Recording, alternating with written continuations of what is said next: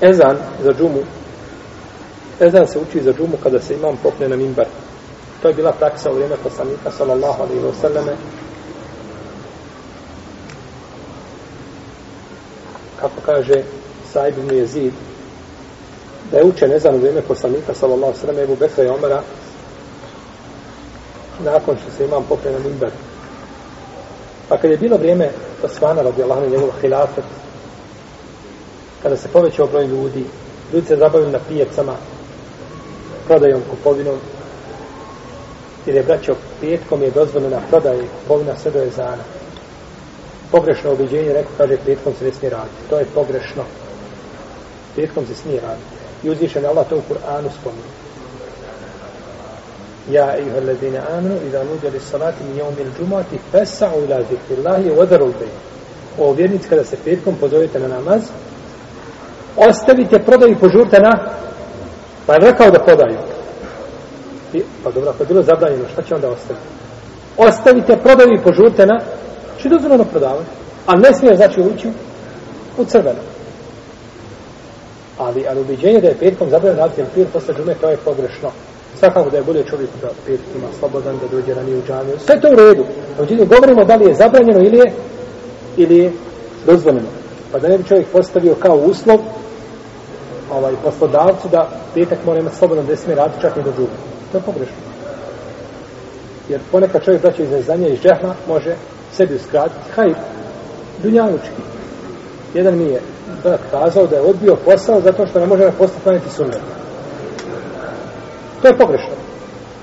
Nije pogrešno ako ti imaš drugi posao gdje možeš da klanjaš sunnet. Nije pogrešno. No, međutim, u današnje vrijeme je ovaj, prava umjetnost da neko ponudi, jel tako? Radno mjesto. I nakon toga ti doješ i poslodavac kada je, slušaj, ako ne mogu pored parzova klanjati sunnete, ja neću raditi, to je pogrešno. Uzvišen je Allah te nije obavezao čine. Sunnete. Nije te obavezao. Kada je posle Indije kada dođeš, ono se radi u podnjenskim sunnetima, a na kraju kada bi te i prošle, pa prošao te sunnet. A ako ostaviš rad i privređivanje svoje porodice, ostaviš farsu. Pa se opet ostaviš farz zbog sunneta, pa popet isti. Tako da je čovjek braćo obaveza da poznaje evlovi, evlovijate ili ove znači, prednosti, tako da može se postaviti ispravno u ovakvim situacijama. Kaže, pa kada je bilo vrijeme Osmana, povek, znači, naredio da se uči jedan ezan na pijaci koja se zvala Medinska Ezeura. Ezeura se zvala pijaca Medinska i je naredio da se uči a, da se uči ezan drugi. On kaže treći ezan već ezan misle šta da je. I kamet ezan ili, kam, jer nazvan i kamet je nazvan ezanom između svaka dva ezana je namaz kad kaže poslanik. Pa je i kamet nazvan ezanom jer on je jeli, svodan ezan čak u jednoj verziji je isti kao znači kod anetijske pravne škole ili isti je kao i i ezan. Znači kada sjedne imam na imber tada se uči ezan. I u naše vrijeme nema sumnje da je preče vratiti se sunnetu poslanika sallallahu alaihi sallam i učiti jedan ezan. Zato što učenje drugog ezana nema čega. Nema efekta. Nema nikakvog efekta. Učenje ezana nema koristi. Osman radijallahu anhu je uveo ezan da bi pozivao ljude koji su na pijaci, nisu iz džamije mogli čuti ezan, jer se širila Medina, tako Medina. Medina je vreme poslanika, sallallahu alaihi sallam, je kao da nešto je džamija čuno. Ko je bio u džami, vidio je kolika je džamija, ona je površinski velika i tako dalje. To je na otprilike bila Medina. Danas je Medina milijonski.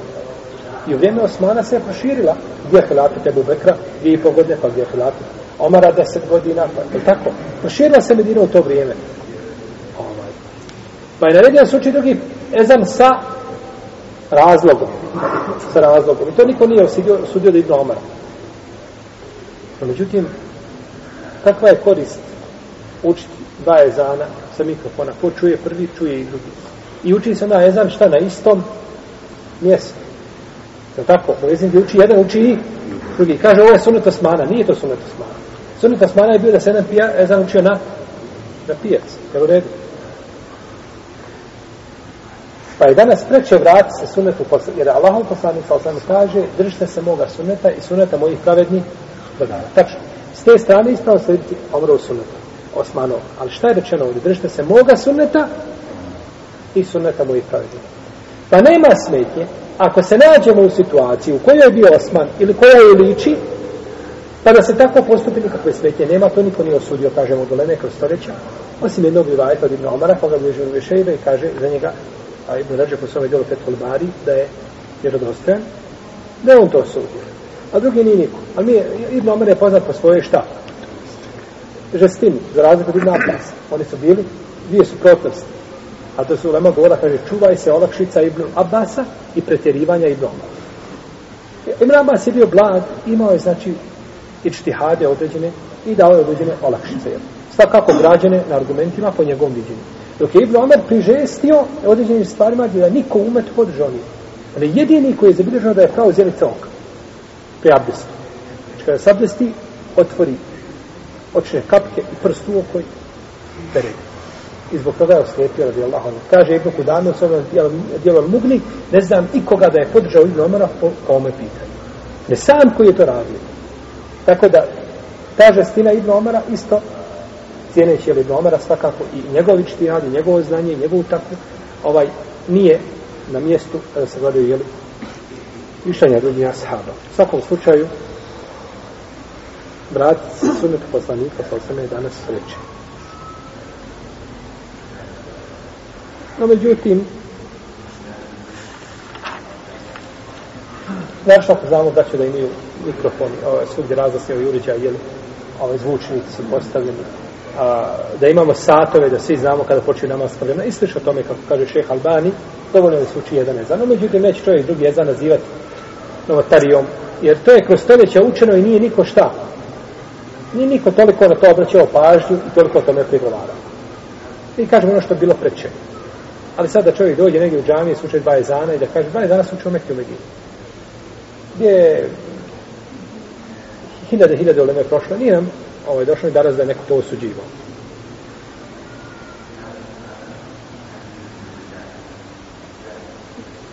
Kažem, samo Ibn Omer to nazvao da je to bidat. Samo Ibn Omer to nazvao bidat. To je bidat u kom smislu? To će mi kažeti. U jezičkom, bravo. To je bidat u jezičkom smislu, jer bidat u jezičkom smislu je sve što je uvedeno. Pa je i bidat, je li telefon bidat onda? Yes.